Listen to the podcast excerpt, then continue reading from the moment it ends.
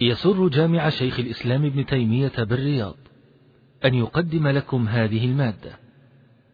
أحسن الله إليكم. وهذا يقول ما معنى قوله صلى الله عليه وسلم يحرم بالرضاع ما يحرم بالنسب؟ أرجو التوضيح من الشيخ مع ضرب المثال. حفظكم الله. نعم. وتقدم أيضا في السؤال الأول إذا ولد الزنا إذا يعني قامت عليه امرأة أو قام عليه رجل فرضع منه ورضع من لبن امرأته فإنه يكون ولدا لهما كما تقدم كما تقدم. أو لا علينا أن يحرم من الرضاع ما يحرم من النسب تقدم إشارة إليه.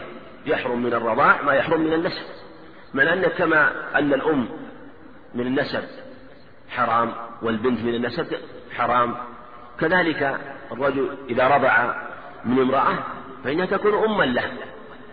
تحرم عليه لأنها أمه كما تحرم أم من النسب لأن هذه أم من النسب ولدته وأم من الرضاع أرضعته. فهي أم له لأنه تغذى بلبنها وطعم لبنها. فلهذا وإن كان أضعف من النسب ولهذا لم يثبت إلا في باب التحريم والمحرمية والخلوة كما تقدم. كذلك أيضا إذا رضع منها فإنه تكون تكون أو أولادها من البنين والبنات إخوة له إخوة له. في كما أن أولادها كما أن إخوته من أبيه وأمه إخوة له كذلك أيضا إخوته من أمه من الرضاع إخوة له. وهو يكون كذلك إذا كانت بنتا فإنها تكون بنتا لصاحب اللبن وبنتا لصاحبة اللبن. فهي بنت لهم. والتحريم كما تقدم يكون من جهة المرضعة ومن جهة المرضع فآباؤها وأمهاتها يكونوا أجدادا له كذلك آباء المرضع وأمهات يكونوا أجدادا وجدات له وكذلك مثل الآباء من النسب والأجداد من النسب كما تقدم. نعم. أحسن الله عليكم. وهذا يقول أشكل علينا مسألة خلوة الرجل مع المرأة مع وجود نساء ثقات وفي السفر. فأرجو البيان. بارك الله فيكم خلوة الرجل مع المرأة مع وجود نساء ثقات. يعني في الحضر والسفر. في السفر نعم. مثل ما تقدم أن الخلوة أقول مثل ما تقدم أن الخلوة تختلف. الخلوة في السفر لا بد يعني أو المحرم في السفر الصحيح أنه لا يجوز المرأة أن تسافر إلا مع ذي محرم. هذا هو الصحيح. ينبغي يعلم. لا تسافر امرأة إلا مع ذي محرم. في حديث ابن عباس. الصحيحين بدون تقييد. في الصحيحين من حديث أبي سعيد الخدري لا تسافر امرأة مسيرة يومين إلا مع ذي محرم. وفي لفظ في حديث في حديث ابن عمر ثلاثة أيام إلا مع ذي محرم. حديث حديث ابن هريرة مسيرة يوم. في لفظ مسيرة ليلة إلا مع ذي محرم. حديث ابن عباس عند أبي داود بإسناد صحيح لا تسافر امرأة مسيرة بريد إلا مع ذي محرم. البريد 12 ميل. 12 ميل لأن أربعة فراسخ والفرسخ ثلاثة أميال فهو 12 ميل. وهذا وهذا يدل على أنه لا تسافر إلا مع ذي هذا هو الصواب هذا ما يتعلق بالسفر.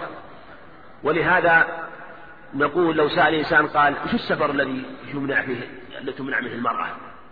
لأن هذه مسألة لأن هذه في الحقيقة مسألة ربما تجرأ بعض الناس وتساهل فيها خاصة في مثل هذا الوقت. وأفتى كثيرا من النساء بأن تسافر مع غير محرم إذا كان مع النسوة الثقات وربما تعلل بأشياء فيها موضع نظر. والأدلة الصريحة واضحة بل حديث ابن عباس لا تسافر امرأة أطلق السفر. والقاعدة عند أهل العلم أن المطلق إذا كان تقييده بأكثر من تقييد واحد فإنه ينتفي التقييد ويكون التقييد مجرد مثال. فإذا كان له أكثر من مقيد فلا يقيد المطلق بما قيده بل يكون ذكر التقييد مجرد مثال.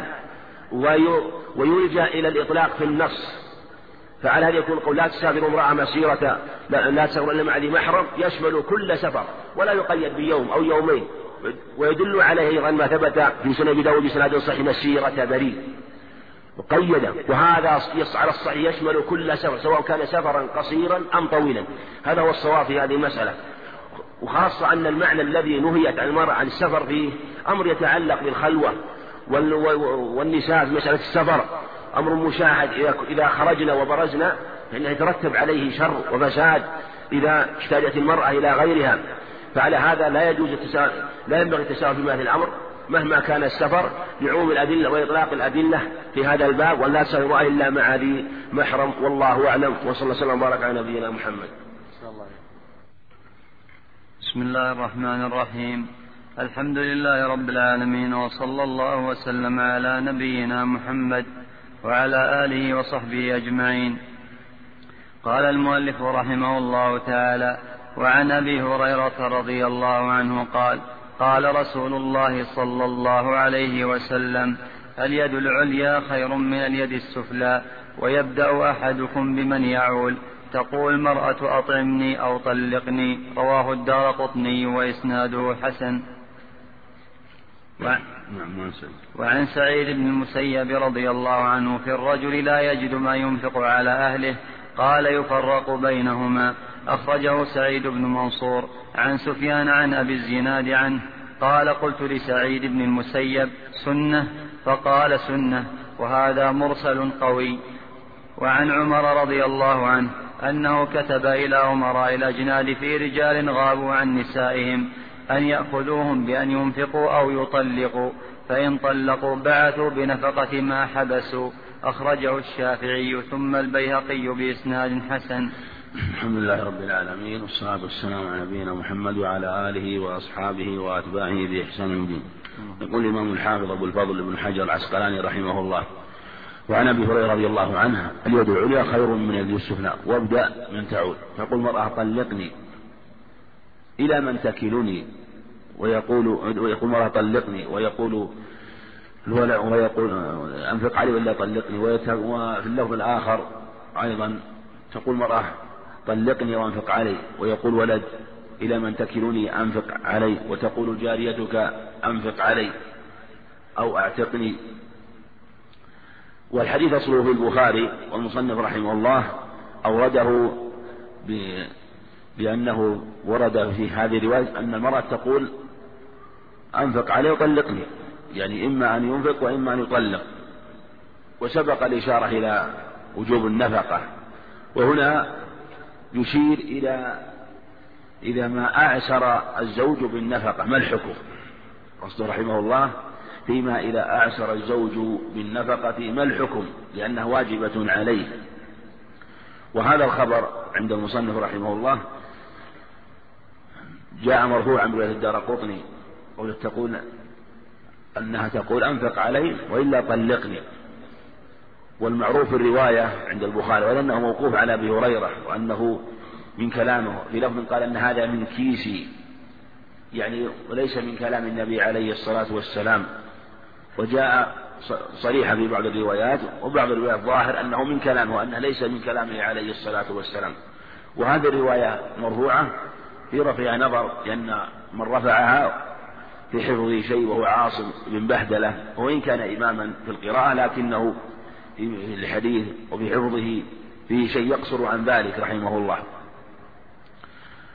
واختلف العلماء فيما إذا أعسر بنفقة زوجته. ماذا يجب؟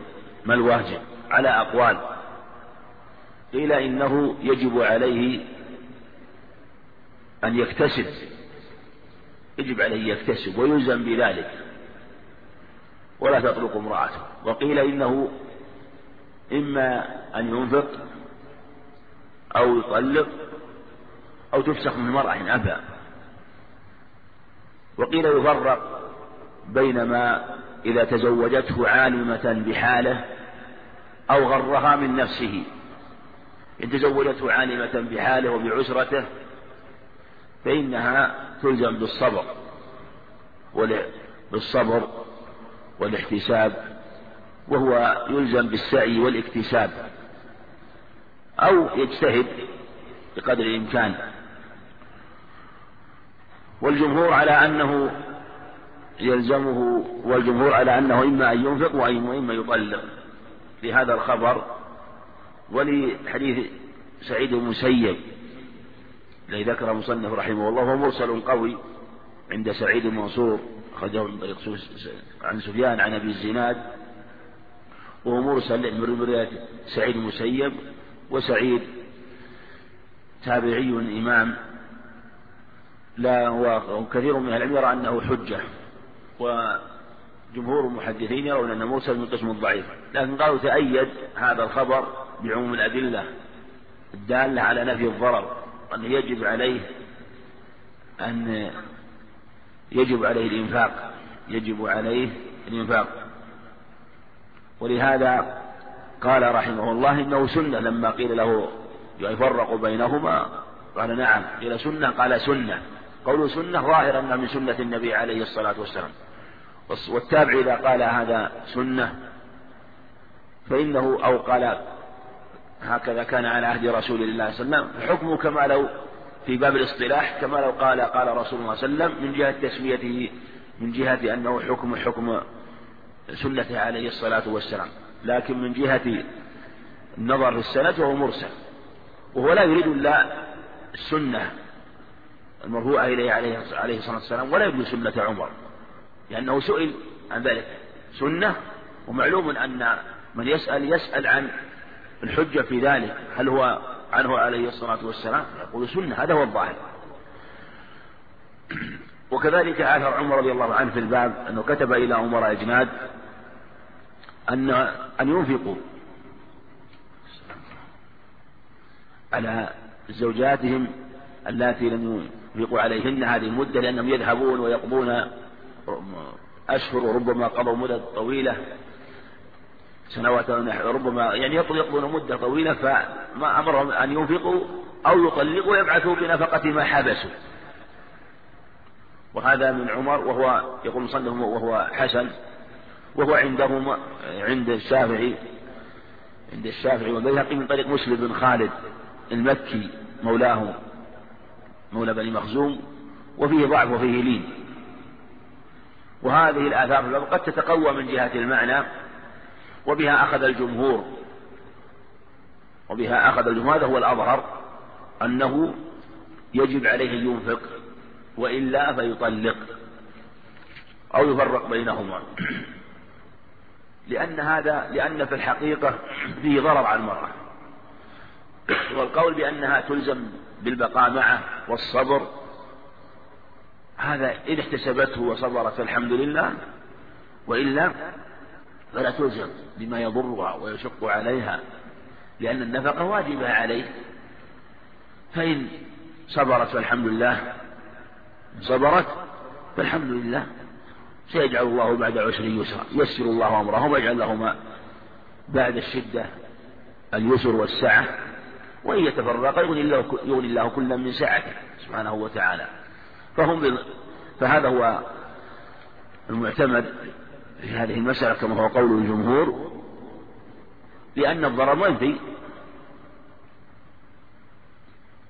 ثم قال ولا تمسكوا عليه ولا تمسكوهن ضرارا لتضيقوا عليهن وقال وفي حديث وقوله عليه عليه الصلاة والسلام لا ضرر ولا ضرار.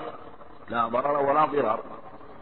ومن شد الضرر كونه يحبس نفقتها مع عدم قدرته وهي محبوسة عليه.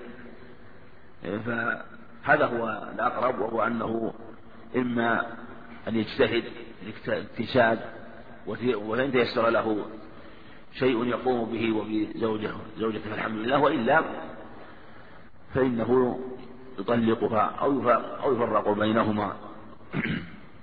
وفيه كما تقدم وجوب النفقة على الأولاد كما سيأتي. نعم.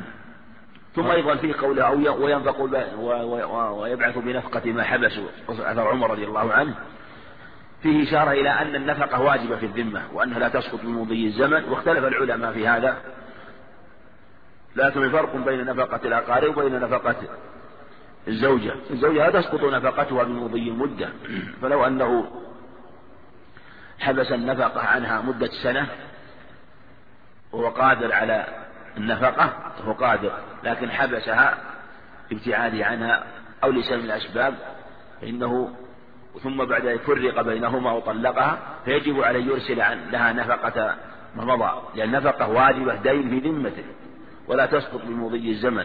ولهذا قال عمر أو يبعث بنفقة ما حبسوا ثابت عليه ودين في ذمته وحق للمرأة فيبعث بها نعم. وعن أبي هريرة رضي الله عنه قال جاء رجل إلى النبي صلى الله عليه وسلم فقال يا رسول الله عندي دينار. قال انفقه على نفسك. قال عندي آخر. قال انفقه على ولدك. قال عندي آخر. قال انفقه على أهلك. قال عندي آخر. قال انفقه على خادمك. قال عندي آخر. قال أنت أعلم. أخرجه الشافعي وأبو داود واللفظ له وأخرجه النسائي والحاكم بتقديم الزوجة على الولد. حديث أبي هريرة رضي الله عنه فيه وجوب النفقة على النفس ولهذا لما جاء سأل النبي عليه السلام هذا الرجل قال يا رسول عندي دينار قال أنفقه على نفسك. قال عندي آخر قال أنفقه على ولدك. قال عندي آخر قال أنفقه على زوجتك وعلى على أهلك. قال عندي آخر قال أنفقه على خادمك قال عندي آخر قال قال أنت أبصر. خمس يعني خمسة دنانير. عند خمسة دنانير فأمره يجعل الأول يبدأ بنفسه فإن فضل شيء فلولده كما في حديث ثوبان فإن فضل شيء فلذي قرابتك. كذلك معناه من حديث أبي هريرة أيضا. حديث جابر صحيح مسلم قال يبدأ بنفسه فيبدأ بنفسك فأنفق عليها. فإن فضل شيء فلأهلك فإن فضل شيء ها هنا وها هنا عن يمينه وعن شماله. يعني ينفق في أبواب البر والخير.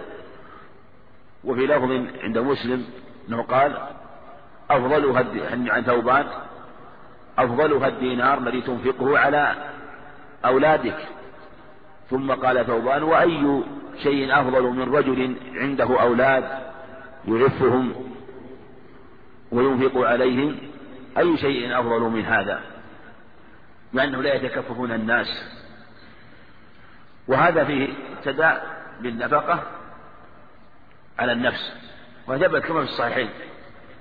ابدأ بنفسك ثم من تعود. ابدأ بنفسك ثم من تعود.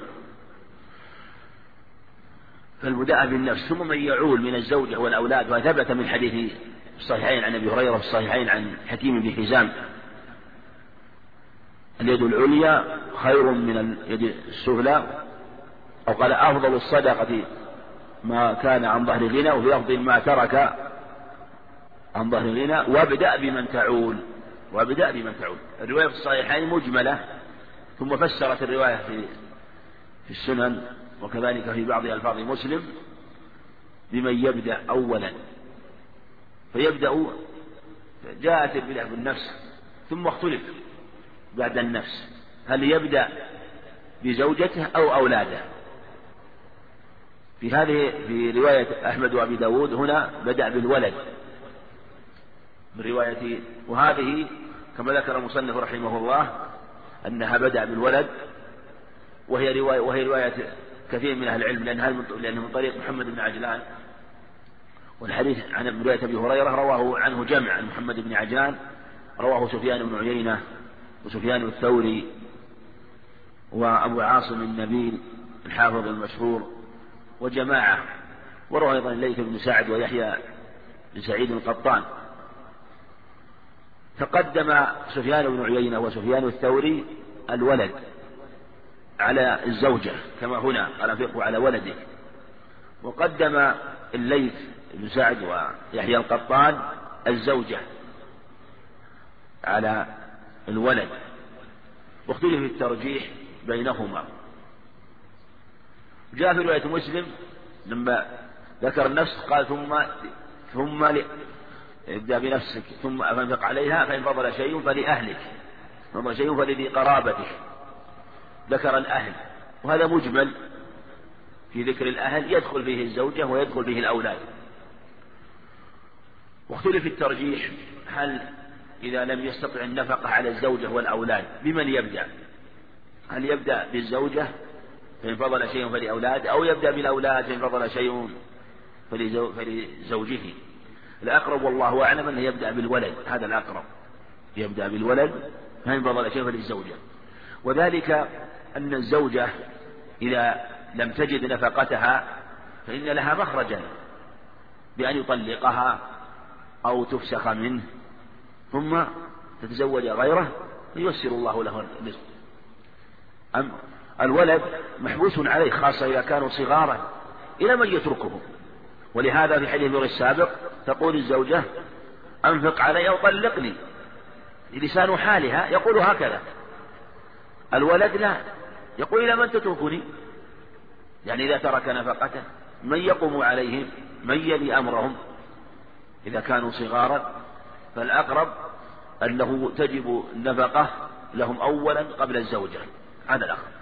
ولأنه إذا أنفق عليهم كما تقدم ثم لم يفضل شيء جاء الخلاف المتقدم في حق الزوجة ما الواجب؟ والأظهر أنه يؤمر بالنفقة إن أمكنه وإلا فإنه يطلقها. هذا هو الأقرب. أما إذا كبر الأولاد فهذا موضع خلاف. إذا كانوا كبارا بالغين هل تجب نفقتهم أو لا تجب؟ أو يفرق بين القادر على الاكتساب وبين غير القادر؟ وإن كان ظاهر النصوص هو وجوب النفقة مطلقا ولم تفرق بين الصغير والكبير ما دام قادرا على الإنفاق وهذا هو الأظهر أنه ما دام قادرا على الإنفاق عليهم و وهم مال لهم فتجب تجب النفقة. وهذا من أعظم الصلة. وأي عقوق أو قطيعة للرحم حينما يرى ولده يتكففون الناس لا يجدون شيئا ويقول لا تجب نفقتهم علي. يقول إنهم إن نفقتهم لا تجب علي بقدرتهم عموم النصوص والأدلة يدل على وجوب النفقة. هذا هو الأظهر. فالمقصود أنه إذا كان الولد تحت رعاية ونظر لصغرهم فإنه تجب نفقتهم على الإطلاق وأنهم مقدمون على الزوجة. والنفقة على الولد من أعظم وعلى الأهل من أعظم البر. ولهذا قال ثبت أنه عليه الصلاة والسلام قال قال له قال أفضل الصدقة. أخبر أنه عليه الصلاة والسلام أفضل النفقة وأفضل أفضلها نفقة الرجل على على أهله أو نفقة الرجل على أهله صدقة صدق بها. كما في الصحيحين من حديث أبي مسعود رضي الله عنه وسماها صدقة وإن كانت واجبة للحث عليها حتى لا يظن لا يظن أنها إذا كانت واجبة أنه لا أجر فيها. وكونه ينفق ويجتهد أمر مطلوب. بل جاءت الأدلة كما تقدم حديث هريرة اليد العليا خير من اليد السفلى؟ وابدأ بمن تعود وهو ينفق واليد المنفقة هي اليد المتفضلة وتريد فضل الله وتريد الأجر من الله عز وجل. وإن كانت أعظم الأيدي وأفضلها على الإطلاق يده سبحانه وتعالى يد الله العليا. له اللفظ الآخر من عند أبي داود الأيدي ثلاثة يد الله العليا. ثم التي تليها يد المنفق ثم التي تليها يد الآخر. والأيدي عند النظر أكثر من هذا كما قاله بعض أهل العلم وذلك أن أن أعظمها وأرفعها يد الله عز وجل. بيده خزائن الخير وفاتح الخير سبحانه وتعالى. ثم بعد ذلك تكون الأيدي فأعظم الأيدي بعد ذلك هي اليد المنفقة المعطية التي تنفق. ثم يليها اليد المتعففة فالذي يتعفف يتعافف هي هو أفضل ولا يأخذ. ثم يليه من يأخذ بلا سؤال. من كان لا يسأل لكن إذا أعطي أخذ. هذه يد تنزل عن الدرجة التي التي قبلها. ثم يليه وهي وهي أنزل الأيدي هي اليد السائلة. ولهذا جاء في بعض الألفاظ أنها يد السائل هي السفلى ويد الله هي العليا. السائل التي تسأل. وهذه على أقسام. تارة يكون سؤاله بحق وتارة يكون لا يجوز له. فإن كان سأل حقا له فلا بأس على الصحيح. وإن كان يسأل دائما إذا كان سأل حقا له ولم يقدر على الاكتساب. وإن سأل وهو غير مستحق أو ادعى الفقر والحاجة معلوم كما جاء من الأدلة في تحريم السؤال وأن الأصل هو منع المسألة. فالأدلة في فضل النفقة كثيرة عموما فكيف في على النفقة على الزوجة؟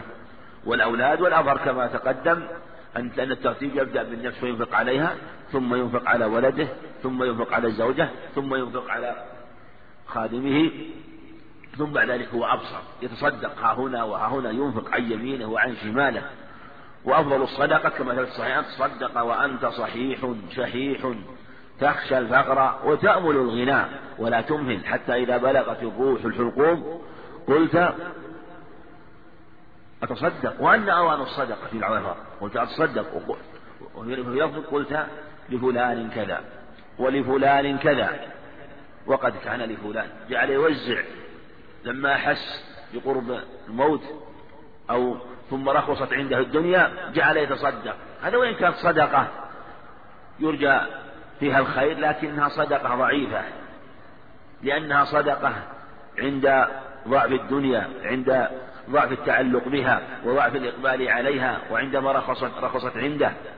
ولهذا جاء الخبر عند الترمذي وغيره من أبي الدرداء أو من حديث أبي سعيد عن أحدهما أنه عليه الصلاة قال لأن يتصدق الرجل في حياته وصحته بمئة بدرهم خير له من أن يتصدق عند موته بمئة درهم.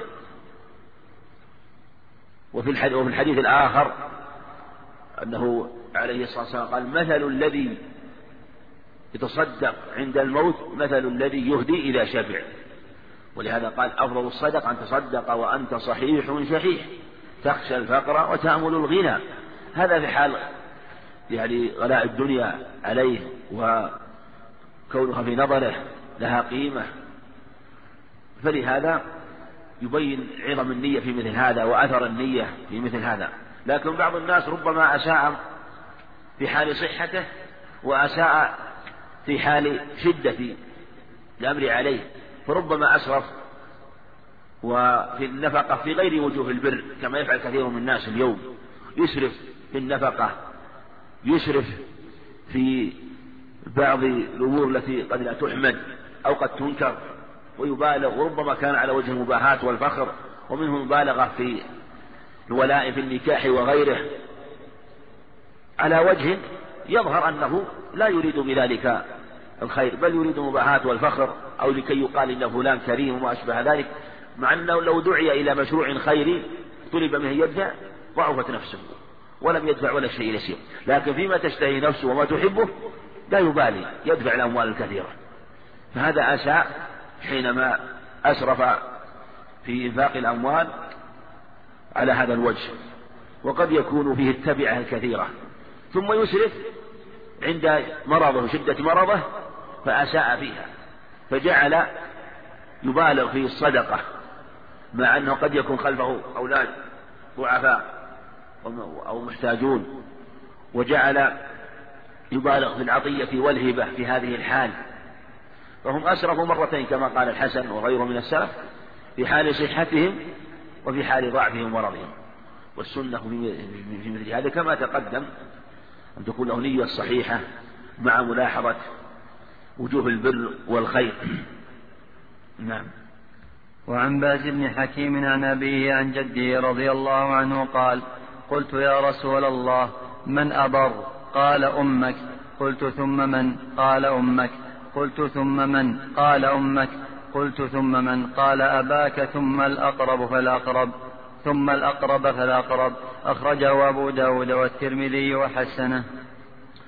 وهذا حديث جيد حديث بهز بن حكيم عن أبيه عن جده وتقدم غير مرة أن نسخة بهز نسخة جيدة في رتبة الحسن. وفيه بيان وجوب النفقة على الوالدين وأن النفقة عليه من أفضل البر خاصة الأم وأن لها ثلاثة حقوق. يعني لما قال قال أمك ثم كر عليه ثلاثة مرات كل ذلك يقول أمك يعني بر عليك أن تبر أمك وأن البر يكون لها مقدم وأن لها هذه الحقوق.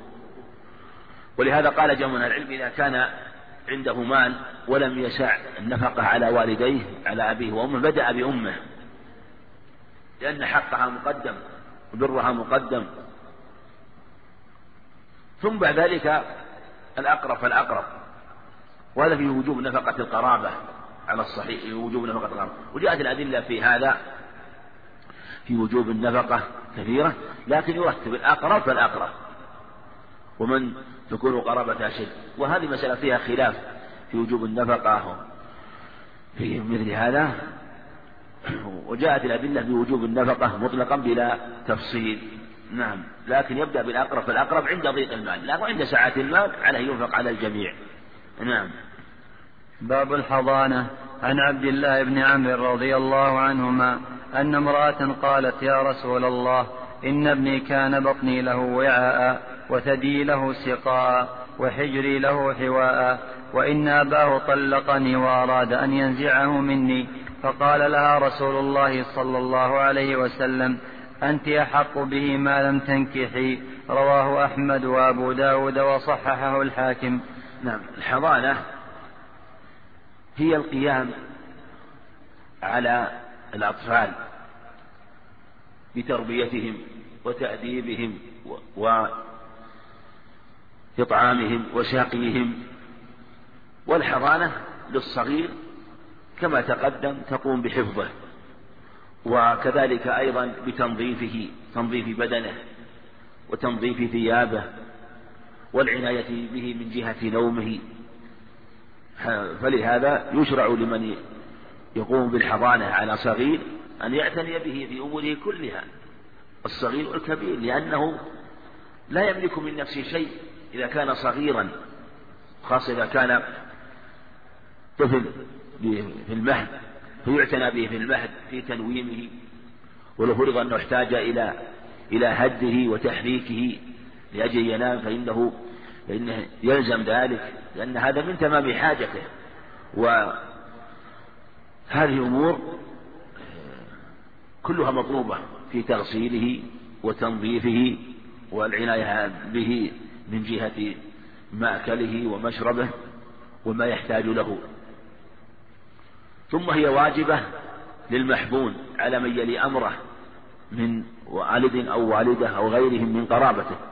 فإن لم يوجد فيكون وجوب على عموم المسلمين وتكون ويكون الأمر إلى ولي الأمر في مثل هذا ويقيم من يقوم بالتكفل بنفقته والقيام عليه من بيت مال المسلمين. حديث عبد الله بن عمرو بن عاص رضي الله عنه حديث جيد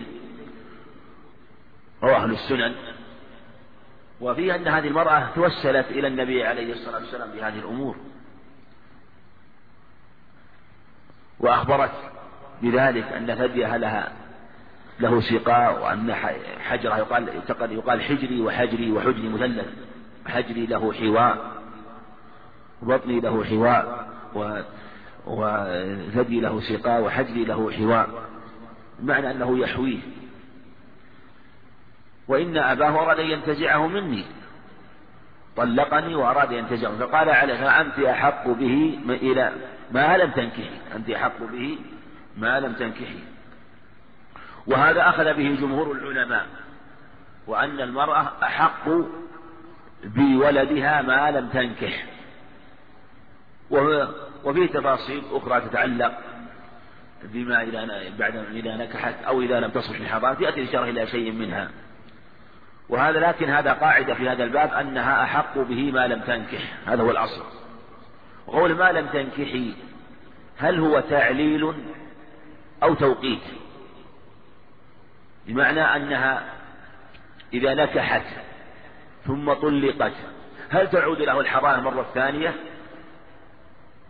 إن قيل إنه توقيت فتسقط حضانتها مطلقا وإن قيل إنه تعليل فتعود لها الحضانة لأنه معلق بالنكاح.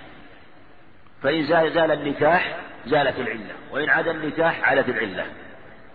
وهذا هو الأقرب من جهة المعنى وأن العلة علق من اسم النكاح لأنها إذا نكحت في الغالب تنشغل بأمر الزوج الآخر. وربما جاءها أولاد منه فقد يحصل منها تفريط في القيام عليه وقد أيضا لأجل القيام على الزوج وكسب وده ربما حصل فيها في نفسها شيء وضعها عنايتها بولدها. فلهذا لم يجعل لها الحق بذلك بل حقها إذا كانت خالها من الأزواج. أنت أحق به ما لم تنكحي. ثم هل من نكاح المراد به العقد أو مراد به الدخول؟ في خلاف بين أهل العلم. منهم من قال المراد به العقد أحق به يعني ما لم يعقد عليك إنسان فيسقط حقها. وقيل إنه المراد بالنكاح الدخول. والأظهر أن يقال أن المراد بالنكاح من العقد ما لم يعرض أمر يغير فيكون المراد بالعقد فإذا عقدت المرأة على زوجها تزوجت إنسان عقد عليه ولم تدخل ثم انشغلت بأسباب الدخول وبالزواج يعني تسقط حضانتها. لأنها مشغولة بالنكاح وبالدخول والاستعداد للدخول وبأسباب النكاح تسقط حضانتها وإن كان لا كما اعتاد بعض الناس ربما عقد المرأة على إنسان ثم تأخر الدخول بعد مدة طويلة ولم تنشغل به وكما يعتاد بعض الناس في بعض الأماكن وبعض البلاد في هذه الحالة أظهر أنه ينظر إلى مثل هذا وقد يكون في ضرر على المحبون إذا قطع عن أمه وهي غير منشغلة وغير متعلقة بزوج الآن لكن ربما عقد لها على زوج حتى لا يفوت أو لغير ذلك من الأسباب. فالأظهر أنه يفصل في مثل هذه المسألة. والقاعدة في مثل هذا أنه عليه الصلاة والسلام أمرها آه، أو جعل لها حق ما لم تنكح. هذا هو الأظهر كما تقدم. نعم. وعن أبي هريرة رضي الله عنه أن امرأة قالت يا رسول الله إن زوجي يريد أن يذهب بابني وقد نفعني وسقاني من بئر أبي عنبة. فجاء زوجها فقال النبي صلى الله عليه وسلم يا غلام هذا أبوك وهذه أمك فخذ بيد أيهما شئت. فأخذ بيد أمه فانطلقت به. رواه أحمد والأربعة وصححه الترمذي. وعن رافع بن سنان رضي الله عنه أنه أسلم وأبت امرأته أن تسلم فأقعد النبي صلى الله عليه وسلم الأم ناحية والأب ناحية وأقعد الصبي بينهما فمال إلى أمه فقال اللهم اهده فمال إلى أبيه فأخذه. أخرجه أبو داود والنسائي وصححه الحاكم. حديث ابن هريرة حديث صحيح. حديث رافع كما سيأتي في سند الكلام والمصنف رحمه الله ورد حديث أبي هريرة في التخيير لأن هذا حديث أبي هريرة في التخيير في تخيير الصبي بين أبيه وأمه. وفي حديث عبد الله بن عمرو السابق الرسول عليه قال أنت أحق به ما لم تنكحه وليس فيه تخيير كما تقدم وأنها أحق به ما لم تنكح كما هو قول الجمهور إما أربعة بخلاف شاذ. لكن هذا هو الصواب كما تقدم لهذا الحديث. وهذا الخبر حديث أبي هريرة أنه خيره بين أبيه وأمه. قال هذا أبوك وهذا أمك اختر أيهما شئت. فاختار أمه. وهذا يبين بالنظر بالأخبار الفرق بين الصبي إذا ميز وبين ما إذا لم يكن ميز لأنه خاطبه عليه السلام وقال هذا أبوك وهذا أمك. فخذ بأي أي بيد أيهما شئت. فخاطبه هذا يبين أنه ميز. وعلى هذا إذا كان الصبي صغيرا إذا كان الولد صغيرا فإنه ولم تنكح أمه فإنه يكون عند أمه. ذكرا كان أم أنثى. وإن كان مميزا فينظر. إن كان صبي كما في هذه الأخبار فإنه يخير. يخير بين أبيه وأمه لأن تخيير شهوة. لا تخيير لا تخيير مصلحة. تخيير شهوة لا مصلحة. فلو اختار أمه لأجل أنه يأنس إليها و ولم يختر أباه فله ذلك. وإن اختار أباه كذلك فإن له ذلك. ولو أنه مثلا اختار أباه الشهر ثم قال لا بذهب لأمي لا بأس أن يرجع إلى أمه. لو ذهب إلى أم الشهر وقال لا أريد أبي لا بأس أن يرجع إلى أبي تخيير شهوة لا تخيير مصلحة. ولأن الصبي في مثل هذا السن هو صغير ونفسه قد تقبل تارة على أمه قد تقبل تارة على أبيه وهذا أمر مشهود وملاحظ. ولهذا ينبغي أن مثل هذا ولا ينبغي التشديد خاصة بين يتفرق الرجل وأهله وكان بينهما أولاد.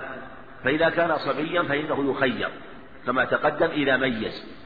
هذا هو الصحيح وهذا هو ما جاءت به الأخبار. ولهذا قال اختر أيهما شئت.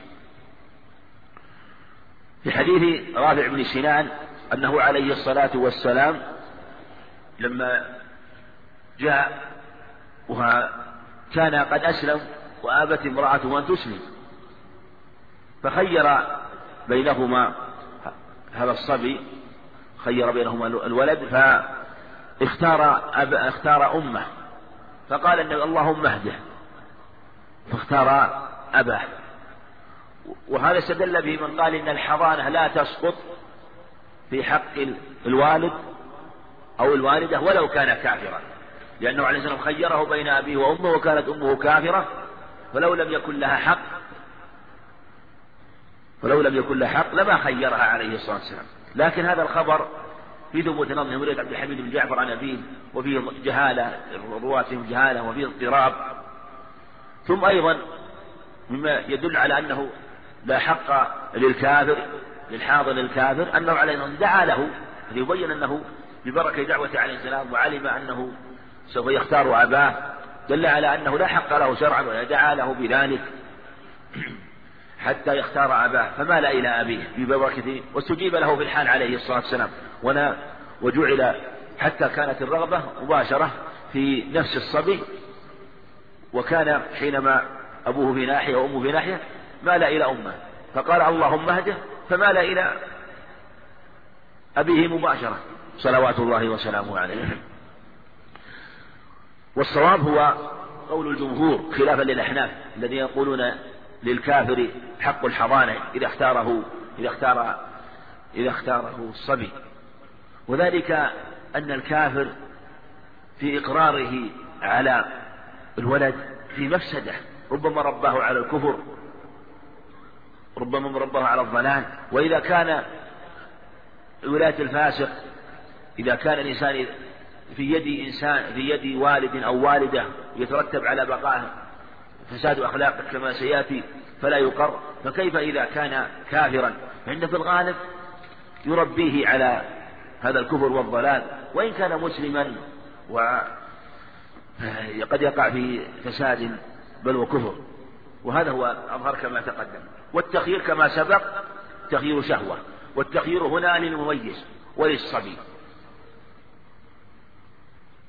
إذا كان الولد أنثى هل يخير أم لا يخير؟ ذهب بعض العلم إلى أنه إلى أنها تخير بعموم الأدلة.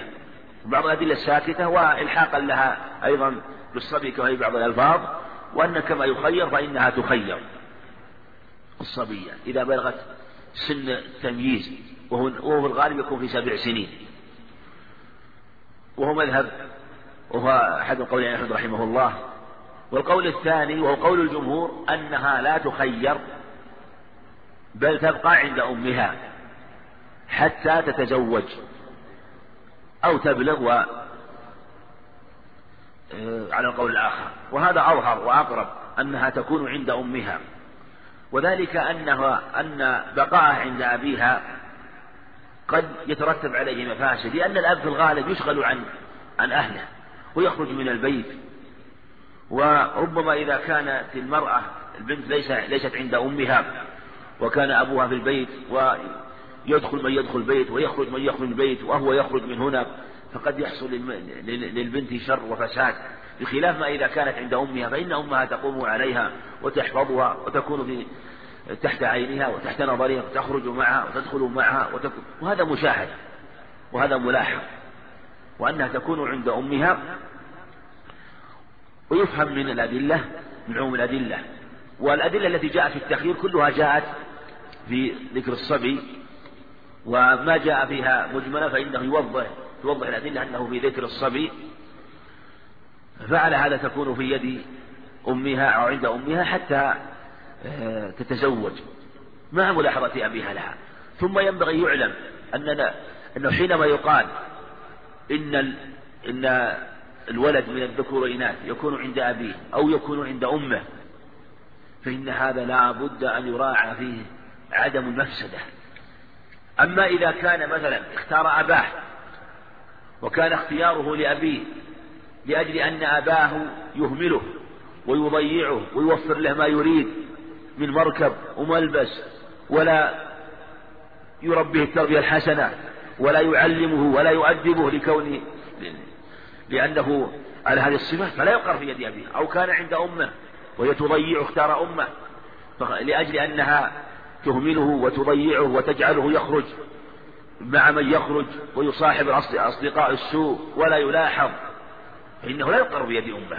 إذا لا كل هذا ينبغي أن يلاحظ فيه المصلحة الصبي أو الجارية. هذا أمر معلوم وواضح من أدلة. أما إذا ترتب عليه شر وفساد فلا يقر بل يجب نزعه من يده. حتى ولو كان ولو كانت أمه لم تنكح لو كانت أمه لم تنكح عند الجمهور الذين يقولون أنت أحق به ما لم تنكحي لو كان بقاؤه عند أو بقاؤه عند أمها فيها فيه ضرر وتهملها أو تهمله تضيعه وأبوه يقوم عليها وأبوها يقوم عليها فإنه ينزع منها ويكون عند أبيه. وهكذا في الصور الأخرى إذا كان عند أبيه وكان يهمله. وقد قال أبو العباس رحمه الله شيخ الإسلام تيمية حضرت حاكما من الحكام من القضاة يعني وقد تنازع أبوه وقد تنازع الأب والأم في صبي وكان الإبن يريد أن يكون عند أبيه. فجاءت تنازعه وحضرت عند الحاكم وحضر أبوه وأمه. فخيره لأنه مميز. قال من تريد؟ فاختار أباه. على أمه. فقالت أمه سله لأي شيء يختار أباه. قال لأي شيء تختار أباه؟ قال لأن أبي يتركني ألعب مع الصبيان وأخرج وأمي تأمرني أن أذهب إلى الشيخ وأقرأ عليه وتؤدبني وتضربني إذا لم أذهب. فنزعه من أبيه وجعله عند أمه. ولم يلتفت إلى مثل هذا إلى اختياره. فاختيار الشهوة والميل والرغبة عند الطفل ينبغي أن يلاحظ فيه مصلحته. وما يؤول إليه أمره أما يترتب عليه شر وفساد فلا يقر بيد من يترتب عليه مثل هذا كما تقدم. نعم. وعن البراء بن عازب رضي الله عنه أن النبي صلى الله عليه وسلم قضى في ابنة حمزة لخالتها وقال الخالة بمنزلة الأم أخرجه البخاري وأخرجه أحمد من حديث علي رضي الله عنه فقال والجارية عند خالتها وإن الخالة والدة. نعم. حديث براء بن عازب بن الحارث رضي الله عنهما في بيان أن الخالة أم أو بمنزلة الأم في اللفظ الآخر عند أحمد من طريق أبي إسحاق من رواية إسرائيل بن يونس بن أبي إسحاق السبيعي عن أبي إسحاق السبيعي أن الخالة أم ورواية إسرائيل بن يونس عن أبي إسحاق من أقوى الروايات. وأبو إسحاق وإن كان مدلسا لكن يوم من الحفاظ يقولون إن إسرائيل بن يونس ابن ابنه من أضبط الناس وأعلمهم بصحيفة أبيه وأنه يحفظها حفظا جيدا. ومن أضبط الناس في الرواية عن جده أبي إسحاق عمرو بن عبد الله السبيعي إسرائيل بن يونس بن أبي إسحاق أخو عيسى بن يونس بن إسحاق وكلاهما إمام ثقة رحمة الله على الجميع. وهذا الخبر ورد في عمرة القضية أنه عليه الصلاة والسلام لما خرج من مكة لحقت به ابنة عمه حمزة فقالت يا عم يا عم فالتفت علي رضي الله عنه فقال لفاطمة دونك ابنة ابنة عمك.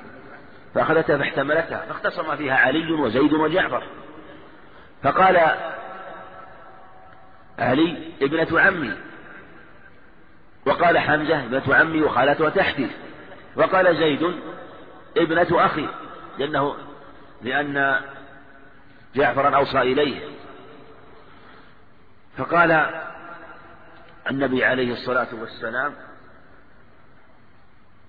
أو قضى لها قضى لخالتها وقضى بها لجعفر وقال الخالة أم وأقرها بيد خالتها عند جعفر بن أبي طالب رضي الله عنه. فقال الخالة أم ثم قال لعلي رضي الله عنه أراد أن يطيب نفوسهم رضي الله عنهم لما قضى بها لزوجته لخالتها. فقال لعلي أنت مني وأنا منك. وقال لجعفر أشبهت خلقي وخلقي. وقال لزيد أنت أخونا ومولانا. طيب نفوس الجميع عليه الصلاة والسلام حتى جعفر مع أنه قضى بها لخالتها وأشركه معهم لأنه لم يقضي له وإنما قضى لخالتها. وفيه أن الخالة أم وأن لها الحق. وهذا الخبر في الصحيحين أخذ به بعض من أهل العلم تقديم جهة الأم على جهة الأب. وقالوا إن الخالة مقدمة على العمة في الحضانة وأن الأخت للأم مقدمة على الأخت للأب لأن النبي عليه الصلاة والسلام قدم أخت الأم وهي الخالة فتقدم من في جهتها من جهة الأم وهي الأخت من الأم لأنها إلى جهة الأم وعلى الأخ من الأم وتقدم الخالة التي أخت الأم على العمة التي أخت الأب. وقالوا إن النبي عليه السلام لما قدم جهة الأم في قوله أنت أحق به ما لم تنكحي على الأب قدمها دل على تقديم جهة الأم. ثم أيضا ثبت في الصحيحين تقديم الخالة. فتقديم الخالة تقديم الأم في ذلك الحديث على الأب فيه بيان لتقديم جهة الأمومة. ثم تقديم الخالة على غيرها على عماتها مع صفية عمتها موجودة. في ذلك الوقت فقدمها عليها ولم يجعله لصفية أخت حمزة صفية بنت عبد المطلب بل قضى بها لخالتها. فقالوا إن تقديمه آه، للخالة أيضا تقديم لمن يتفرع لمن هو في جهة الأم. هذا القول الأول. القول الثاني أنه يقدم جهة الأب جهة, جهة الأب على من في جهة الأم. وهذا القول أظهر وهو تقديم من في جهة الأب على جهة الأم. والحديث لا دلالة فيه. وهو حديث أنت أحق به ما لم تنكحي. لا دلالة فيه على تقديم جهة الأم على جهة الأب. وذلك أن اختلفوا. هل تقديم الأم في قول أنت أحق به ما لم تنكحي؟ قدمها لأجل لأجل الأمومة ولأنها أم أو تقديمها لأجل أنها أنثى مقابل الأب الذي هو ذكر. الأمر أنه قدمها لأنوثتها ليس لأمومتها. وذلك ويدل عليه أن أبا بكر رضي الله عنه قال الأم أعطف وألطف وأحنى وأرأف. فذكر العلل التي تدل بعطفها ولطفها ورأفتها ورحمتها. فعلى هذا تقدم الأم على الأب من هذه الجهة. فإذا اجتمعت الأم والأب فالأم مقدمة لأنها أنثى ولأنها ألطف ولأنها أرأف وأحنى. ولهذا لما تنازع لما نازع عمر رضي الله عنه لما في ابنه ابنه عاصم لأن تزوج جميلة بنت ثابت بن أبي الأقلح رضي الله عنه وأولدها عاصما ثم طلقها. ولما كان في خلافة أبي بكر وكان عاصم هذا وسمي على جده من قبل أمة سمي عاصم بن عمر على جده من قبل أمة اللي هو عاصم من اللي هو عاصم بن أبي الأقلح على على نعم بن أبي الأقلح. فسمي عليه. فجاء وكانت أمه تمشي به وفي بعض الوقت أنها جدته فنازعها فيه وأراد أن يأخذه منها وأن يركبه معه فخاصمته حتى جاء إلى أبي بكر وهو ينازعها في الصبي حتى بكى الصبي ويريد أمه. وكان انتزعه منه فجاء إلى أبي بكر فقال أبو بكر رضي الله عنه الأم أعطف وأنطف وأنحى وأحنى وأرحم وأرأف وقضى به لأمه لأم الطفل وقال ريحها وفراشها خير له منك. ولم ينازعه وسلم الأمر حتى إنه قضى به بعد ذلك رضي الله عنه. فعلى هذا جهة الأب مقدمة وهذا هو الأصل. لأن جهة الأب مقدمة في في الولاية والنكاح ومقدمة في أمور كثيرة. وهذا هو المعهود في الشرع تقديم جهة الولاية جهة الأب. إنما تقدم الأم في مسألة الرضاع ومسألة الحضانة مقدمة على الأب. أما سوى ذلك لا. فإنها إلى جهة الأب. وعلى هذا إذا اجتمع إذا اتفق حاضنان أو وجد مدعيان وطالبان للحضانة فإما أن يكون في تتفق الجهة والدرجة وإما أن تختلف الجهة فإذا اتفقت الجهة والدرجة قدمت الأنثى. فإذا وجد مثلا محظون ادعاه عمه وعمته أو أخته وأخوه ادعاه فتقدم الأنثى تقدم العمة على العم والأخت على الأب. لأنه هذا الذي يستفاد من قوله عليه أنت حق بما لم تنكه تقدم لتقديم جهة لتقديم الأم لأنه قدمها لأنوثتها. هذا هو. وإذا اختلفت الجهة وكذلك إذا كان من جهة الأم. تنازع فيه اثنان خال وخالة. أخ من أم وأخت من أم. تقدم الخالة على الأخال وتقدم الأخت الأم على الأخ من الأم. يعني يقدم الأنثى على الذكر في جهتهم. هذه القسم الثاني. القسم الثالث إذا اختلفت الجهة. ليتنازع فيه خاله خالته وعمته. أخوه لأبيه وأخته لأمه. في هذه الحالة تقدم جهة الأب. تقدم الأخت من جهة الأب على الأخت من جهة الأم. تقدم العمة على الخالة. هذا هو الأقرب والأظهر وهذا الأصل كما بينه العلم القيم هو أصل لا يتناقض ومضطرد ولا يضطرب. أما إذا جعل قدمت جهة الأمومة فإن فالذين قدموا جهة الأم ومن يتفرع عليها أو قدموا جهة فإنهم اضطربوا فيها اضطراب عظيم. أما من قدم جهة الأب فإن أصله منضبط ولا يضطرب. قد يرد حديث حديث البراء رضي الله عنه حينما قدم حينما قضى النبي عليه السلام لحمزة قضى لخالتها امرأة جعفر قال الخالة أم مع أن عمتها موجودة. وهذا أجاب عن علام القيم رحمه الله بما معناه أنها أن الحديث ليس فيه بيان أن الرسول عليه الصلاة قدم جهة الخالة على العمة. ليس فيه. فالخالة هنا فالخالة هنا لم تنازع العمة ولم يذكر أنها نازعتها. وهذا الحكم حينما يحصل نزاع. حينما يحصل نزاع. فإذا يحصل نزاع مثلا بين الخالة والعمة بين الأخت الشقيق بين الأخت لأب والأخت لأم إذا حصل نزاع قدمنا جهة الأب لكن إذا لم يحصل نزاع بينهما أو تنازلت العمة أو هي ساكتة في هذه الحال الأمر ما فيه إشكال. وهذا هو الظاهر. خاصة أن صفية رضي الله عنها كانت في ذلك الوقت كبيرة في السن وقد تكون لا, تس... لا يمكن أن تقوم بحضانتها ويشق عليه والأمر أنها لم تطالب بها. فليس فيه دليل على مثل هذا وهي قضية عين محتمل لهذه الأمور.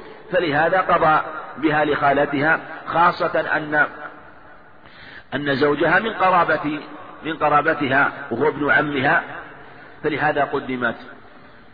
وقضى بها وقال الخالة أم يعني بمنزلة الأم. نعم. وعن أبي هريرة رضي الله عنه قال قال رسول الله صلى الله عليه وسلم إذا أتى أحدكم خادمه بطعامه فإن لم يجلسه معه فليناوله لقمة أو لقمتين. متفق عليه واللفظ للبخاري. نعم. وعن ابن عمر رضي الله عنهما عن النبي صلى الله عليه وسلم قال عذبت امرأة في هرة سجنتها حتى ماتت فدخلت النار فيها. لا هي أطعمتها وسقتها إذ هي حبستها ولا هي تركتها تأكل من خشاش الأرض. متفق عليه. نعم حديث ابن هريرة الأول وحديث ابن عمر حديثان متفق عليهما. حديث ابن هريرة في سبق الإشارة إلى شيء منه وهو ما يتعلق بنفق بالخادم وإطعام الخادم وهذا في إحسان إحسان المماليك. أمر عليه الصلاة والسلام فإذا أتى أحد أحدكم خادمه بطعامه فليجلس فليجلس فليطعمه أو فلقمة لقمتين أو أكلة أو أكلتين اللقمة الأكلة بالضم هي اللقمة وبالفتح هي الوجبة. يقال أكلت أكلة يعني لقمة وأكلت أكلة يعني وجبة بكاملها. وفي لفظ عند مسلم فإن كان الطعام مشفوها. فليطعمه لقمة مشفوها يعني كثرت عليه الشفاة أو كان قليلا لا يكفي من يحضر. فإذا في هذه الحال أمر بإطعام الخادم. وهذا كما تقدم الأصل أنه يجب أن يطعم أن يطعمه وأن يلبسه وأن يكسوه بالمعروف. الواجب عليه أن يكسوه بالمعروف وأن يلبسه ما يلبس أمثاله وكذلك يطعمه أن يطعمه كذلك. ولا يلزمه أن يعطيه أو فاخر الطعام أو اللباس أو ما يلبسه لأن الواجب هو ما ما يكون معروفا من اللباس المعروف له له ولأمثاله في بلده. هذا هو الواجب. وإن أعطاه من طيب الطعام ما يأكل كان هو الأكمل كما تقدم. كذلك أيضا إذا طبخ الطعام فإنه في هذه الحال يشرع له أن يطعمه. وهذا لأنه لما طبخه وصنعه تعلقت نفسه به. فيشرع أن يدفع ما في نفسه ومتعلق به نفسه بإطعامه من ما تيسر. والأفضل أن يجلسه معه. وهكذا كان هديه عليه الصلاة والسلام. وهذا من التواضع ومن السنة أن يجلسه معه وأن يكرمه وأن يطعمه. هذا له وإلا فليعطيه من طعامه. إن أعطاه مثلا ما يكفيه فلا بأس وإن أعطاه شيئا منه. وكذلك إذا كان هنالك شيء من طيب الطعام مما يخص الرجل به أهله من طيب الطعام من طيب الفاكهة وما أشبهها فيحسن أن يخصه بشيء من هذا الطعام الطيب المأكول ولأنه من إحسان إلى الخدم ونحوه. حديث ابن عمر في الصحيحين في تلك المرة عذبت في هرة. حبستها لا يطعمتها وسقتها حبستها ولا يترك تأكل من خشاش الأرض. وثبت هذا المعنى من حديث أبي هريرة في الصحيحين. ثبت في حديث أسماء أيضا معناه في الصحيح أنه رأى امرأة تخدشها هرة. وهذا مما أريه عليه الصلاة والسلام. في دلالة على أن الهرة تكون من متاع البيت. ولهذا قال إنها من كما قال عليه الصلاة والسلام إنها من الطوافين عليكم والطوافات كفي حديث أبي قتادة رضي الله عنه لما أصغى الإناء ورأته زوج ابنه زوج عبد الله فكأنها استنكرت وهو يصغي الإناء فأخبرها أنه عليه السلام قال إنها من الطوافين عليكم في حديث عائشة كذلك معناه أيضا. فالمقصود أنه الواجب الإحسان إلى الحيوانات إذا كان يملكها. وأن يجب عليه يسقيها ويجب عليه يطعمها وإلا يتركها تطعم وتأكل بنفسها. ولو حبسها عذب بذلك كما كما ثبت أنه عذب ذلك. وهذا شيء معجل والعياذ بالله.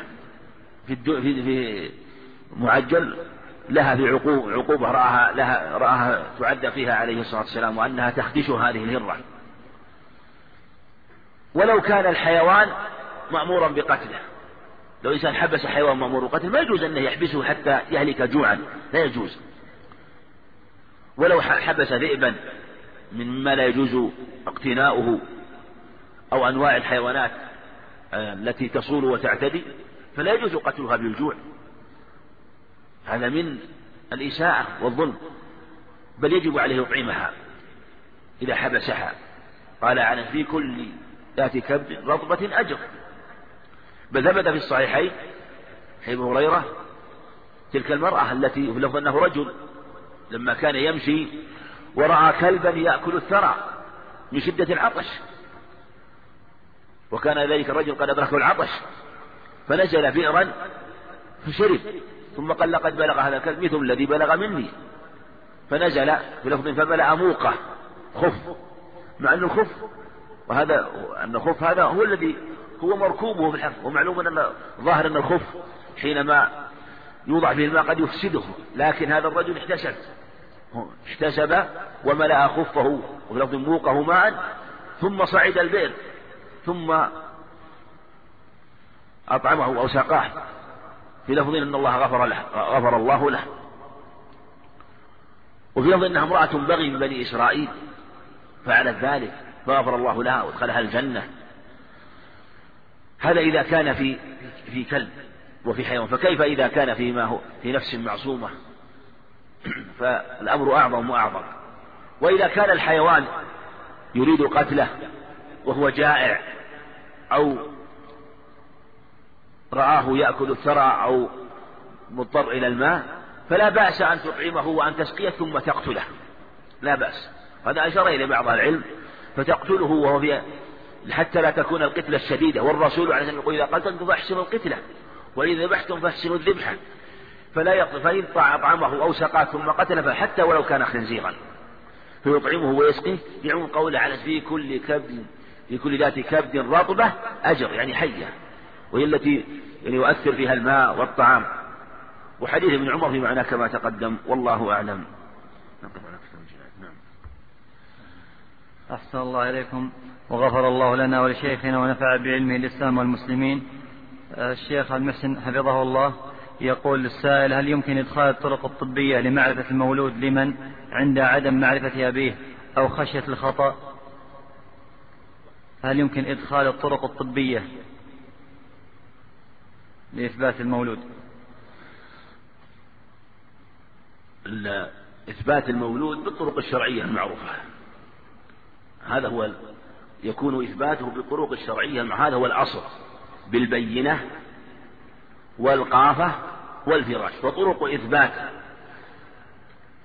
الولد ثلاثة الفراش وهذا هو أعظمها الولد للفراش وللعاهر الحجر. الطريق الثاني البينة تثبت ذلك. الطريق الثالث القافة كما ثبت في الصحيحين من حديث عائشة لما دخل النبي عليه الصلاة والسلام ورأى أسامة وكان أسامة وزيدا قد غطيا رؤوسهما وكشف عن أقدامهما. قال مجزز إن هذه الأقدام بعضهم بعض.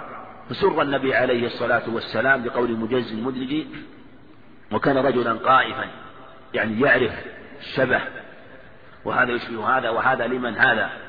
فأقره وهذا فيه إقرار القيافة. والقرعة أيضا في بعض الصور. وهذا محتمل لكن المقصود أنه القيافة هذه هذه هي طرق الإثبات الفراش والبينة والقيافة.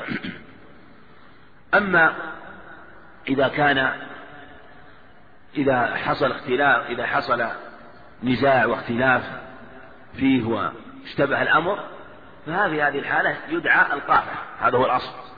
القافة يدعى القافة فإن وجدوا وأمكن الحكم كان هو الواجب. وإن لم يمكن ذلك أو لم يحكموا أو اشتبه الأمر ينظر إلى الطرق الأخرى والقرائن الأخرى فهو يكون يظهر أن هذا الله يكون طريقا ضروريا يعني طريق ضرورة ليس طريق اختيار وحاجة وليس طريق اختيار بل هو طريق ضرورة حينما يشتبه الأمر ولا يعلم فلا فلا يضيع ولا يضيع نسبه لا يجب أن يحفظ. فإذا تبين بالطرق الأخرى التي تقرر وتثبت النسب عند فقدان الطرق الشرعية المثبتة؟ فالأدلة وليس في الشرع ما ينفي إثبات آه، ما دلت القرائن على ثبوته وصحته عند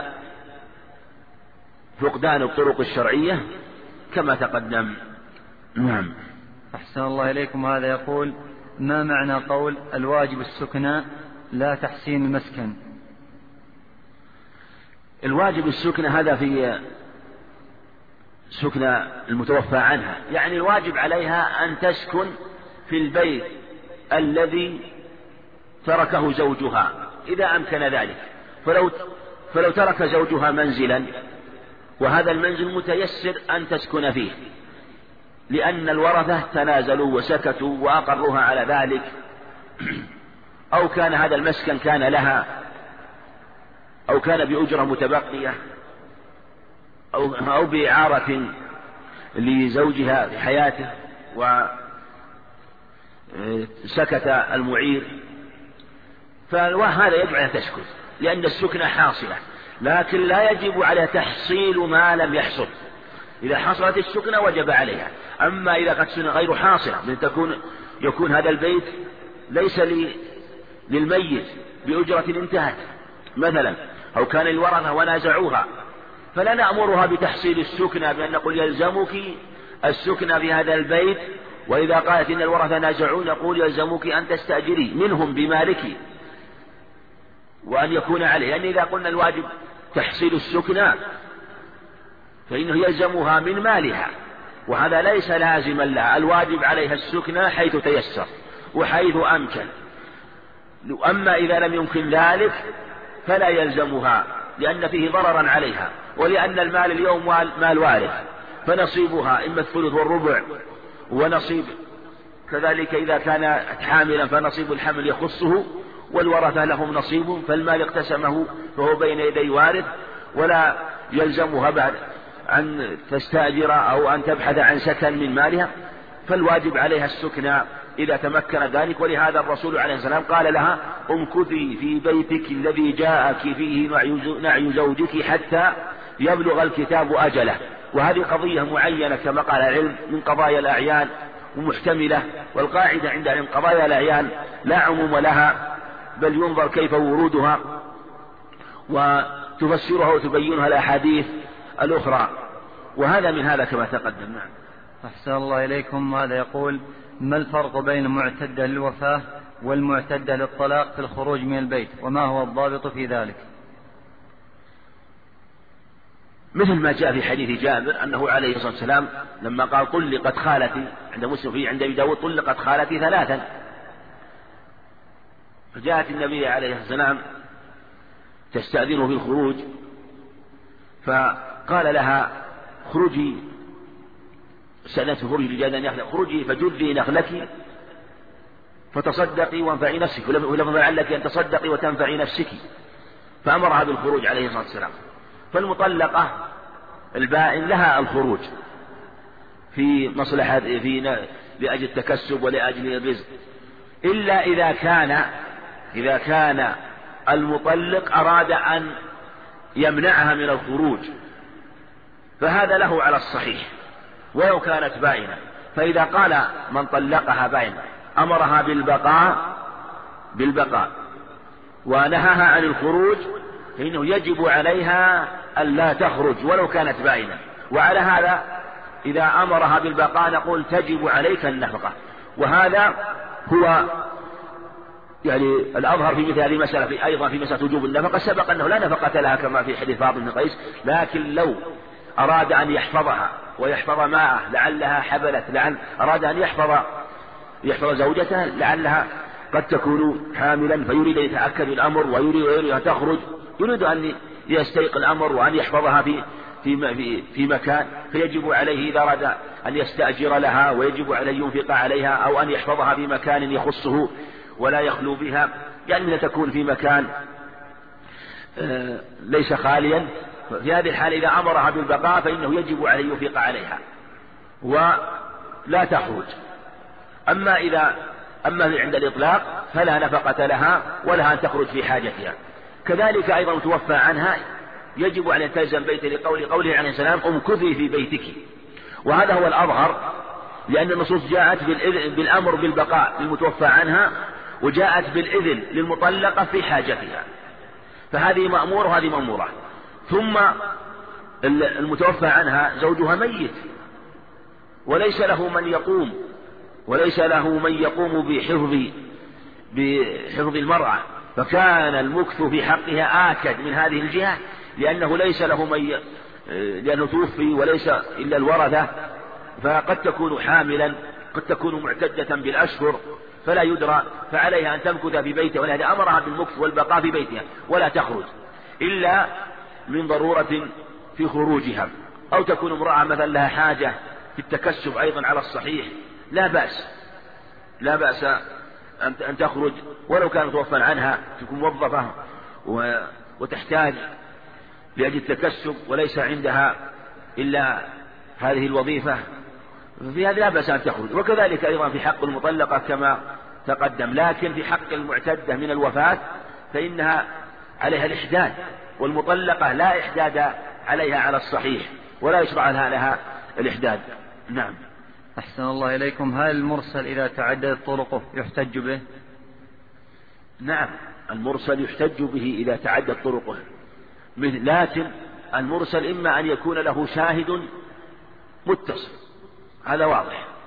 ومثل هذا الشاهد يكون طريقه مما يعتقد ويعتبر به فيكون مقويا وعاملا وإما أن يكون شهد له مرسل آخر. مرسل آخر. كذلك. أو عضده فتوى صحابي كما قال الشافعي رحمه الله. وذكر أيضا إذا كان عليه قول أكثر أهل العلم. فإذا عضد بدليل من طريق آخر وبدليل آخر فلا بأس. أو مرسل آخر. لكن ينبغي أن يعلم أن يكون هذا المرسل لم يأخذ عن نفس الشيخ الذي أخذ عن المرسل الأول فيكون مرجعه إلى طريق واحد إذا علم ذلك. فإذا جاء من طريق آخر وعرج فإنه يكون مقوما خاصة إذا كان المرسل إرساله قوي كسعيد المسيب رضي الله عنه رحمه مراسيله قوية من أقوى المراسيل. وإن كانت قاعدة في المراسيل ليست حجة ولا فرق بين مراسيل كبار الصحابة وصغار الصحابة. على القول الأظهر خلافا لمن رجح الحجية بقول مراسيل كبار التابعين لكن الأظهر كما تقدم وإذا اعتقد من طريق آخر قوي وكان من باب الحسن لغيره. أحسن الله إليكم. يقول ما صحة الحديث الذي فيه أن بعد صلاة الفجر والمغرب يقال اللهم أجرني من النار سبعا. هذا الحديث مشهور من رواية مسلم الحارث التيمي أو الحارث مسلم التيمي اختلف في اسمه اختلف فيه وفيه جهالة وهو حديث رواه أبو داود وأنه يقوله سبعا بعد الفجر وبعد الظهر اللهم أجرني من النار. لكن الحديث اللي ثبت حديث عثمان عند أهل السنن أنه من قال اللهم أجرني ثلاثة من سأل الله ثلاثا قال اللهم أعذني وأجرني من النار قالت النار اللهم أجره مني وكذلك من سأل الله الجنة. هذا اللي ثبت وأطلق في الحديث ولم ذكره ثلاثا وينظر يمكن جاء في بعض الروايات ما يدل على أنه في أول النهار وفي آخر النهار. لكن هذا التقييد بأن سبع مرات بعد الفجر وبعد الظهر كما سبق من هذا الطريق وعلى قاعدة جماهير أهل العلم الذين يحتجون بالحديث الضعيف إذا كان ضعفه ليس شديدا. وإذا كان في فضائل الأعمال كما في فضائل الأذكار. ويكون في الشرط الثالث هذا الشرط الأول أن يكون ضعفه شديدا وأن يكون في فضائل الأعمال لا يكون في الحلال والحرام. وأن يكون المكلف حين العمل لا يعتقد أو يجزم بنسبته عليه الصلاة والسلام لا من جهة العمل ولا جهة الاحتجاج بل يرجو ذلك الفضل ويسأل يسأل الله ويعتقد أو يغلب على ظنه أن الله يأجره بذلك ولهذا الواجب مثل هذا أن ينتفي معرفة ابن مكذوب أو غلبة الظن المكذوب. أما إذا جهل الأمر وقد يحتمل أنه قاله عليه الصلاة والسلام فلا بأس أن يعمل به. يحتمل أنه قاله ويحتمل أن يقوله ولم يجزم بكذبه ولم يغلب على الظن كذبه. فلا بأس. لأنه في هذه الحال إن كان صدقا فقد عمل بالحديث ويرجو أجره وإن كان لم يثبت عنه عليه السلام فلا يضره ذلك لأن هذا الخبر ثبت من جهة الجملة. فضل الأعمال فضل هذا العمل جهة الجملة وهذا الخبر شاهد في الباب وليس آه، أصلا واعتمادا. أحسن الله إليكم. يقول ما وجه إيراد المؤلف رحمه الله الحديثين الأخيرين في باب الحضانة؟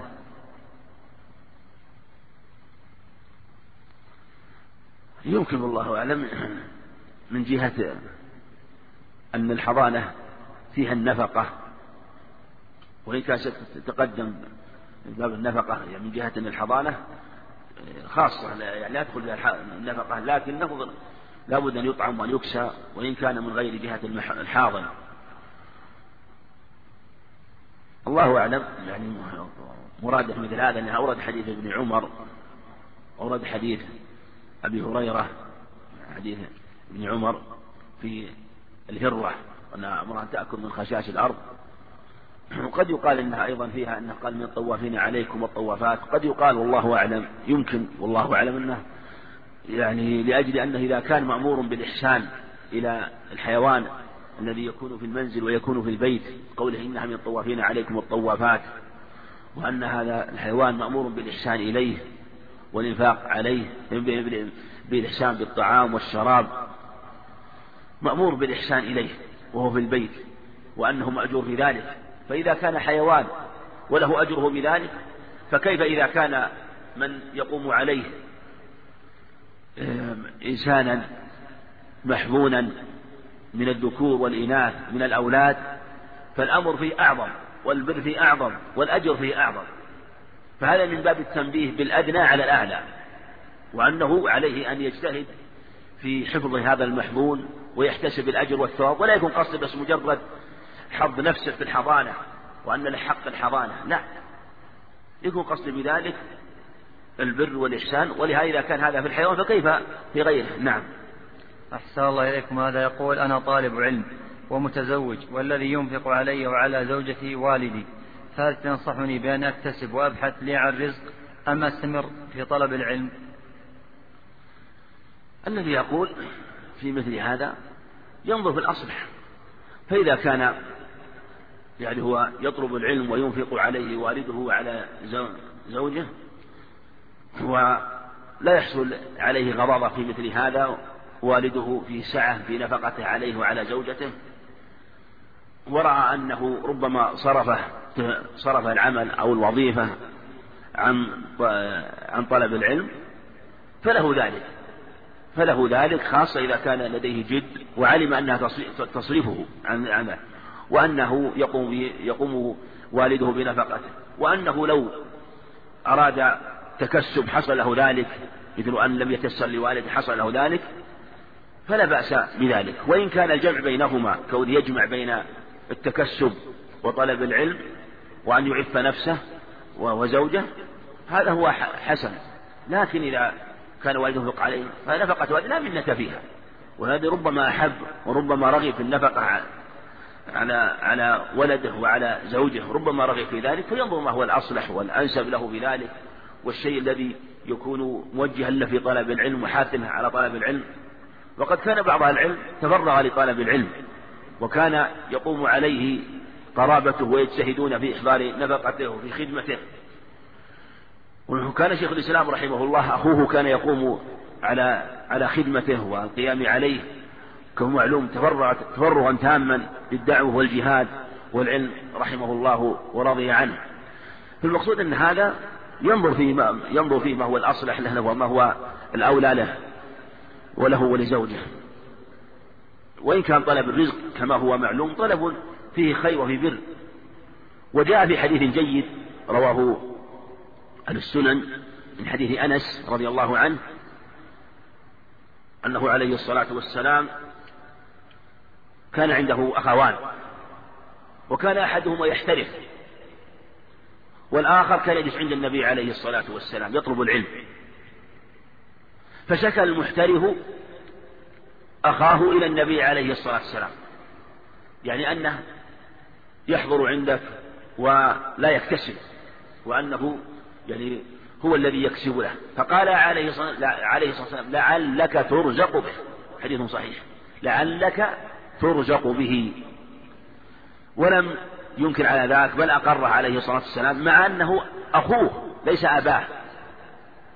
ومع أنه شكاه أيضا. والشكاية ربما تورث شيء من المنة من جهة الأخ على أخيه خاصة من الأخ. والشكوى قد يكون فيها شيء من المنة وأنه ومع ذلك لم ينكر عليه عليه الصلاة والسلام بل أقره بل قال لعلك ترزق به. يعني بركة أن ما يصلك من الرزق وما يحصل لك بسبب الاحتراف والكسب أنه بسبب أخيك وبسبب بركة طلبة للعلم فهذا قد يكون شاهدا في المسألة ودليلا في المسألة ولما جنح إليه بعض العلم في تفرغ لطلب العلم. نعم. أحسن الله إليكم. هذا يقول لو أن شخصا أخذ مال زوجته وهو غني وتاجر ولم ينفق عليها إلا في الطعام فقط ولم يرجع مالها الذي أخذه منها ما حكم ذلك؟ أقول الحكم ما يجوز ومنكر إذا كان بغير رضاها لأن قال لما قال لم يرجع إليها ولم يعطيها يدل على أنها عملته مقتضى الأمانة وهذا منكر وأكل المال بالباطل ف... وهذا محرم ولو كان لأجنبي وهذا معلوم وهذا ظاهر من الأدلة باتفاق على العلم فكيف إذا كان في زوجته؟ والزوجة تجب نفقتها باتفاق عليه تجب نفقتها عليه. ولم يقل أهل العلم أن المرأة تجب عليها نفقة زوجها باتفاق العلم أبدا. إلا في مسألة خاصة وهي ما إذا أعسر الزوج قول شاذ والمرأة موسرة أنها تلزم النفقة. هذا وإن كان قولا شاذا لكن أحسن من بعض الأقوال التي تقول يحبس ويلزم بالنفقة. كيف يحبس ويلزم بالنفقة؟ محبوس ويقال يؤمر بالتكسب. لكن نفقة الزوجة واجبة عليه فكيف يأخذ مالها؟ ويبيع فيه ويضارب فيه ومع ذلك ينفق على نفسه وعليها منه. لا يجوز وما أخذ منه يجب أن يرجعه يرجع إليها وأن يتوب من هذا الفعل وأن يعلم جميع المال ثم المال هذا في حكم المغصوب في الحقيقة. ثم إذا أخذ منها مالا وغصبه وغصبها إياه مثلا نفرض أنه أخذ منها خمسين ألف ريال فجعل يبيع فيها ويشتري. حتى ربحت وصارت مئة ألف ريال. فإن هذا في حكم المال المغصوب. ونماء المال المغصوب في خلاف بين العلم. على أقوال. قيل إن نماء أصله ونماءه للمغصوب. هذا قول الأكثر. وقيل إن أصل المال للمغصوب والنماء للغاصب لأنه هو الذي بفعله. وقيل وهو الأظهر أنه يقسم بينهما قسمين. يكون يعني اللي هو الربح الربح. فأصل المال باتفاق أهل العلم معلوم أصل المال للمغصوب وهو لمن أخذ المال لمن أخذ من المال وهو المغصوب والربح يقسم نصفين. فنصفه للغاصب ونصفه للمغصوب منه. فلو أنه ربح خمسين ألفا فإنه يأخذ خمسا وعشرين ولها خمسا وعشرين. أو يأخذ خمسا وعشرين ولمن غصب خمسا وعشرين. وهذا هو الذي قضى به عمر رضي الله عنه كما روى موطأ بإسناد صحيح. لما أن أبا موسى الأشعري أعطى لما أراد أن يبعث عبيد الله بن عمر وعبد الله بن عمر بمال من العراق من الجزية ومن الخراج إلى عمر رضي الله عنه بالمدينة أراد أن يرسله. فأرسله مع عبيد الله وعبد الله بن عمر. ثم قال لهما أجعله أقرضكما إياه أو قال يجعله يعني لم يجعله أمانة جعله قرضا قرضا بحقهما. أراد أن ينفعهما وأن يبرهما بذلك رضي الله عنه. وكان المال كان قدره مئتي ألف درهم. فأخذ المال مئتي ألف درهم فباع واشتري وتكسب حتى صار ثمانمائة درهم.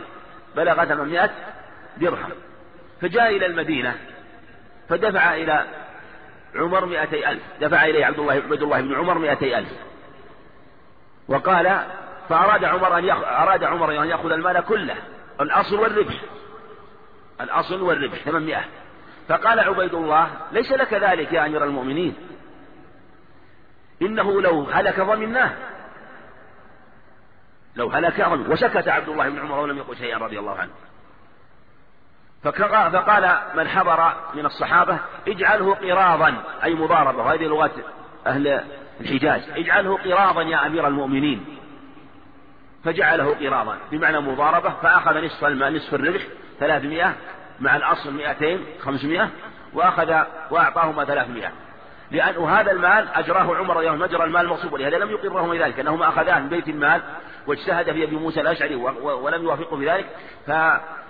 فأخذ منه هذا وأعطاه هذا فالمقصود أن هذا هو الأظهر في هذه المسألة فإذا غصبها مالا وأخذ منها مالا واتجر فيه فيجب عليه يرجع الأصل ويجب عليه يرجع الربح. هذا هو الأكمل والأتم أن يرجع جميع المال. هذا الأكمل. لكن لو أراد آه، ما الذي يجب؟ فالأقرب كما تقدم يرجع لها مع الأصل نصف الربح ويطيب له النصف الثاني. سلام الله إليكم. هذا يقول ما حكم الوقيعة في العلماء وغيبتهم وبماذا تنصحون من وقع في ذلك؟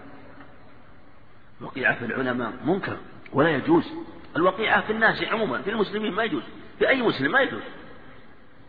قال عليه الصلاة والسلام في الغيبة ذكرك أخاك بما يكره.